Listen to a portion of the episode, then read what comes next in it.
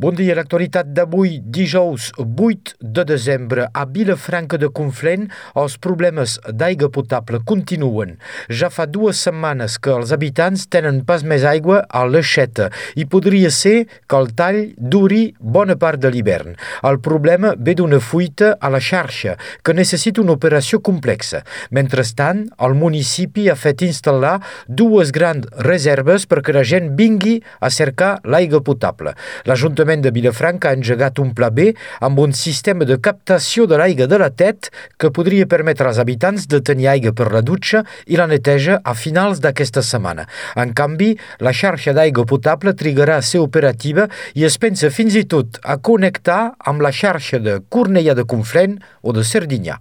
Aquesta nit es farà una gran batuda contra els cinglars a la riba dreta de la Tet. Recordem que la ruta nacional 116 serà tancada entre Perpinyà i Sant Feliu de Munt a partir de les 10 i mitja de la nit i fins a les 4 del matí. Aquesta operació, decretada per la prefectura, vol contribuir a regular la població dels cinglars, una operació Inútil, segons el Partit Animalista de Catalunya Nord, que en una carta oberta demana la supressió de la batuda i proposa alternatives amb la creació de túnels perquè els animals salvatges puguin travessar la 116, la creació de tanques rígides per protegir els cultius o encara l'esterilització dels porcs cinglars femelles com es fa a l'estat espanyol.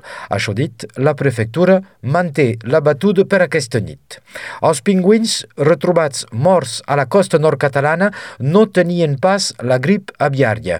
Els agents de l'Oficina de la Biodiversitat han fet públic ahir el resultat de les anàlisis. Diversos pingüins torda havien estat retrobats morts a Argelès i al Cap de Biara a finals de novembre. Un fet inquietant, ja que coincidia amb els casos de grip aviària de la reserva de Sijan. Segons el grup ornitològic del Rosselló, els pingüins van morir morir molt probablement de cansament i de malnutrició. A Barcelona, un accident va provocar ahir 155 ferits pel xoc de dos trens de la línia 4 a Montcada i Reixac. L'accident es va produir a l'estació mateixa. Un tren ha impactat contra un altre que estava parat i on els passatgers estaven pujant. No hi va haver cap ferit greu. A més de complicar moltíssim l'accés a Barcelona, l'accident porta més aigua al molí del problema global de la xarxa de trens de rodalia de la capital catalana. La la ministra espanyola dels Transports, Raquel Sánchez, es va desplaçar ràpidament als llocs dels fets i va declarar que no calia veure cap relació entre aquest accident i la manca d'inversions a la xarxa catalana de ferrocarrils. Per la seva banda, la bellesa de Montcada i Reixac, Laura Campos, va recordar que la reforma de l'estació on ha tingut lloc l'accident fa part de les nombroses obres que encara són a la llista d'espera. Els Mossos han obert una enquesta per esbrinar les causes causes de l'accident. Sempre a Catalunya Sud, l'Empordà és la zona escollida per la futura instal·lació de parcs eòlics flotants. Les conclusions de l'estudi del Ministeri Espanyol de Transició Ecològica concentren totes les propostes al golf de Roses i cap altra a la resta de la costa del Mediterrani. Sis projectes han estat presentats per una capacitat mitjana de 500 megawatts. Catalunya és actualment a la cua de la producció d'energia renovable i els poders públics com econòmics aposten per una gran inversió eòlica a l'Empordà per cobrir el retard d'aquí al 2050.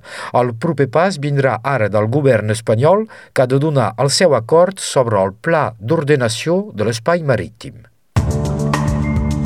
A Alemanya la policia va detenir 25 militants d'extrema dreta que planejaven un cop d'estat. Segons les autoritats alemanyes, la banda preparava l'atac del Parlament. Entre els homes arrestats hi hauria antics militars que, segons el procurador, volien forçar per les armes un canvi de règim inspirat en el del Segon Reich del 1871. Segons la premsa alemanya, un exdiputat del Parlament hauria format part del complot el grup tenia previst del nomenar ministre de Justícia quan prenguessin el poder.